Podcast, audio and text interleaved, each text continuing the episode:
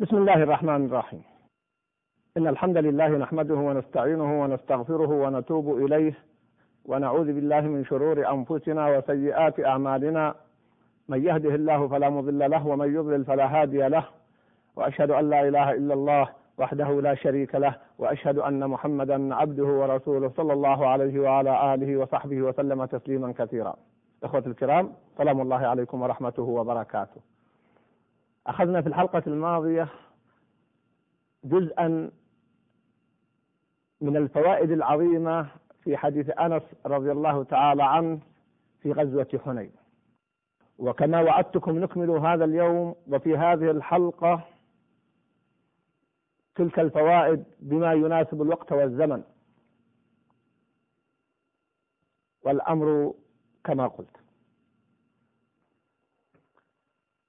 لما انتصر النبي صلى الله عليه وسلم هذا الانتصار الباهر بعد تلك الهزيمة التي حدثت وغنم تلك الغنائم العظيمة من الأهل والنساء والأولاد والأموال وهي من أعظم الغنائم التي غنمها النبي صلى الله عليه وسلم وذلك فضل الله يؤتيه من يشاء. فالنبي صلى الله عليه وسلم قسمها ولم يعطي الأنصار شيئا. إلا كما ورد في بعض الروايات أعطى رجلين لحاجتهما وفقرهما. فحدث في نفوس الأنصار بعض الشيء. وقالوا كلمتهم التي في هذا الحديث واستمعتم إليها إذا كانت الشدة فنحن ندعى. ويعطى الغنائم غيرنا. كلمة صعبة ولكنهم بشر. لأنه عندما حدثت الهزيمة كما في الحديث نادى النبي صلى الله عليه وسلم وأمر من ينادي ينادي الأنصار التفت عن يمينه فنادى الأنصار وانتلف عن التفت عن شماله فنادى الأنصار. ولما انتهت المعركة ووزعت الغنائم فإذا هم لا يأخذون شيئا وهم بشر. يقع في نفوسهم رضي الله عنهم ما يقع في نفوس البشر. وهو حديث سرى بينهم. بلغ ذلك النبي صلى الله عليه وسلم. فبادر مباشرة إلى هذا الأمر. وجمعهم. وما أمر أن يجتمعوا في مكان لا يشاركهم فيه أحد غيرهم. اجتمعوا في مكان. قال هل معكم غيركم؟ قالوا لا إلا ابن أخت لنا. فقال النبي صلى الله عليه وسلم كما في الحديث الصحيح ابن أخت القوم منهم. حتى لم يحضر أحد من المهاجرين لأنه يريد أن يحادثهم حديثا خاصا. قال ما حديث بلغني عنكم؟ فسكتوا. فأعاد عليهم النبي صلى الله عليه وسلم من أدبهم وإيمانهم. ومهابتهم للنبي صلى الله عليه وسلم سكتوا. فقال النبي صلى الله عليه وسلم أجابهم كما في حديث آخر لو شئتم لقلتم كذا وكذا وكذا فبدأ النبي صلى الله عليه وسلم يتحدث عما في نفوسهم. كيف عالج النبي صلى الله عليه وسلم هذا الأمر؟ هل قال لهم يجب أن تقبلوا بما أقول وأنا رسول الله صلى الله عليه وسلم؟ لو قال ذلك فهو حق. لا. هي مشكلة نفسية عالجها معالجة إيمانية نفسية. قال لهم كما في هذا الحديث أما ترضون أن يذهب الناس بالدنيا وتذهبون بمحمد صلى الله عليه وسلم. تحوزونه إلى رحالكم الله أكبر. والله يا أخوان أنني لا أملك من العبارات ما أستطيع أن أعبر به عما في نفسي. نقلهم نقلة عظيمة بعيدة جدا. أخرجهم من هذه الأزمة الأزمة ومن الاستغراق في اللحظة الحاضرة من هذا الإطار في الدنيا إلى نقلة عظيمة. كيف؟ قال الناس الآن انتهت المعركة. يذهبون بالشاة والبعير والغنائم. أنتم تذهبون بمن؟ تذهبون بمحمد صلى الله عليه وسلم. تحوزون إلى رحالكم. لو كان كما خيل لكم الشيطان وأوقع في بعض نفوسكم لذهب بعد الفتح مع قومه إلى مكة. لا. ولو كنت ولولا الهجرة يقول النبي صلى الله عليه وسلم لكنت امرأ من الأنصار. الله أكبر الله أكبر. انظر هذا التصور. نقلهم نقلة إيمانية عظيمة فيها الفخر. والغنيمة الحقيقية الباقية إلى قيام الساعة.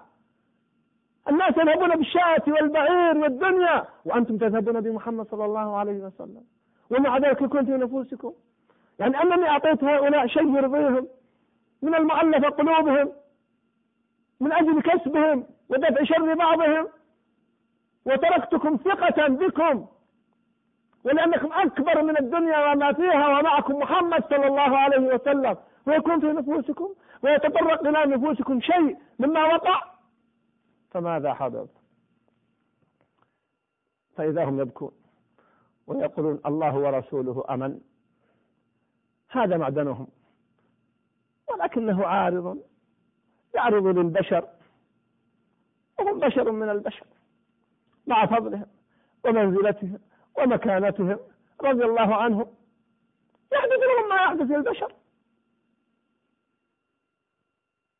فإذا فإذا النبي صلى الله عليه وسلم يستل ما وقع في نفوسهم بهدوء بطريقة إيمانية تربوية نفسية رائعة. هذا هو محمد صلى الله عليه وسلم. هذا هو الأسلوب هذا هو أسلوب القيادة. هذا هو أسلوب الريادة. هذا أسلوب الإمامة. لا يقاد الناس بالعصا. لا يقاد الناس بالخوف.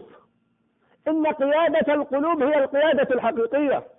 أيها الأب أنت تقود أبنائك هكذا؟ أو بالقوة وأنا أبوكم وأنا وأنا وأنا وأنا. أيها المعلم أيها القائد أيها المسؤول كيف تقودون من تحت أيديكم؟ انظروا إلى قيادة محمد صلى الله عليه وسلم. الناس يتكونون من لحم ودم ومشاعر. إن لم نعالج القلوب خسرنا المعركة. إذا انقادت القلوب انقادت الأجسام.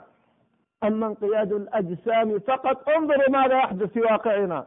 ما أن يموت الرئيس أو يقتل أو يسقط إلا تنفض الجموع عنه وتبدأ في شتمه وأحيانا تعلمون ماذا يحدث بعد ذلك. لأنه لم يقصدهم يوما واحدا. لأنهم قاده لأنه قادهم بالنار والحديد.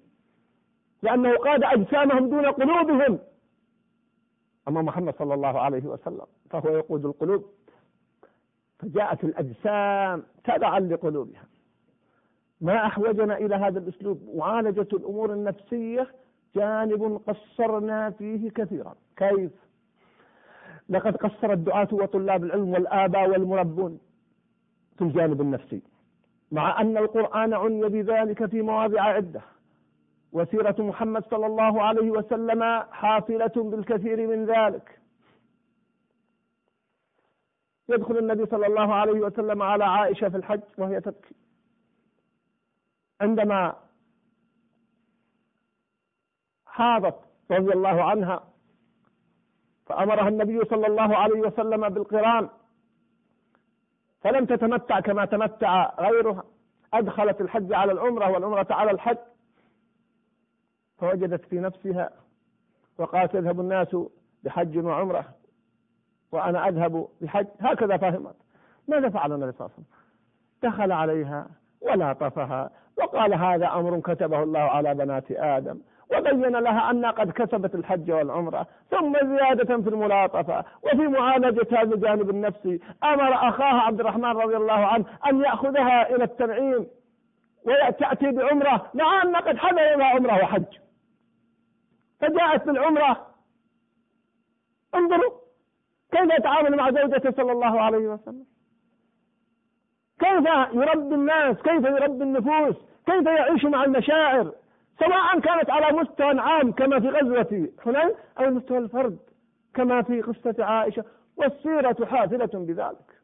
في القرآن انظروا إلى يوسف عليه السلام كيف يتعامل مع إخوانه. ومع كل ما فعلوا معه. عليه السلام وعلى أبيه وعلى آبائه. تعاونا نفسيا رائعا أعطيكم مثلين وهو عزيز مصر. وهم قد جاءوا يشترون ولم يعلموا فعرفهم وهم له منكرون. وعندما حدثت قصة أخيه بنيامين وقالوا كلمتهم المحزنة إن يسرق فقد سرق أخ له من قبل. يقصدون يوسف. هم لم يعلموا أن هذا الرجل هو يوسف. ماذا فعل؟ أخذهم من السجون؟ قطع رؤوسهم؟ قال قال في نفسه ولم يبدها لهم. أنتم شر مكانا. يا الله. مع كل ما فعلوا. في الأول والوسط والأخير ما يريد أن يجرح مشاعرهم بكلمة. فأسرها يوسف في نفسه ولم يبدها لهم. قال أنتم شر مكانا. لا يريد أن يجرح مشاعرهم. كيف تقولون؟ هذه القدوات. هذه المعالجات النفسية. أيضا في آخر المطاف لما عرفوه ولما جاء والده جاء أبوه وأمه ورفعهم على العرش وخروا له سجدي سجدا ماذا قال؟ قال يا أبتي هذا تأويل رؤياي من قبل قد جعلها ربي حقا وقد أحسن بي إذ أخرجني من السجن وجاء بكم من البدو من بعد أن نزغ الشيطان بيني وبين إخوتي أين الجانب النفسي؟ الجانب النفسي ألا تلاحظون أنه قال وقد أحسن بي إذ أخرجني من السجن؟ ماذا في ذلك؟ نعم. يوسف عندما وضع في البئر أشد من وضعه في السجن. أن يوضع وهو شاب. الآن أخذ من أبيه وهو شاب صغير. في البر في البئر في البرية. أعظم والله من وضعه في السجن. طيب لماذا قال وقد أحسن بي إذا أخرجني من السجن ولم يقل وقد أحسن بي إذا أخرجني من البئر لا يريد أن يجرح مشاعر إخوانه وأن يذكرهم بأمر قد انتهى. ثم يقول هو من بعد أن نزغ الشيطان نزغ الشيطان من؟ قال من بعد أن نزغ الشيطان بيني وبين إخوتي. ما قال من بعد أن نزغ الشيطان إخوتي؟ ما أحوجنا إلى هذه المعاني أولئك الذين هدى الله فبهداه مقتدى أيها المربون أيها الآباء أيها القادة أيها العلماء لنعلى بهذا الجانب لنقود القلوب قبل أن نقود الأجسام. لنأخذ من هذه السيرة كما في حدث ويحدث وحدثتنا السيرة عن محمد صلى الله عليه وسلم لتبقى الأمة. الحديث في هذا الجانب طويل أسلوب المعالجات النفسية بأسلوب حكيم مع صبر وتحمل فتكون النتائج رائعة. كما حدث في حنين مع هؤلاء الصحابة رضوان الله عليهم. نجد أيضا أيها الأحبة من هذه الحلقات ومن هذه الوقفات أن النبي صلى الله عليه وسلم كما في نص الحديث كان في القيادة وهكذا هو دائما صلى الله عليه وسلم. في القيادة في الإمامة في المقدمة. هكذا يجب أن يكون القائد. لا يكون القائد يصدر الأمر من خلف حجاب. لا. يجب أن يقود الناس.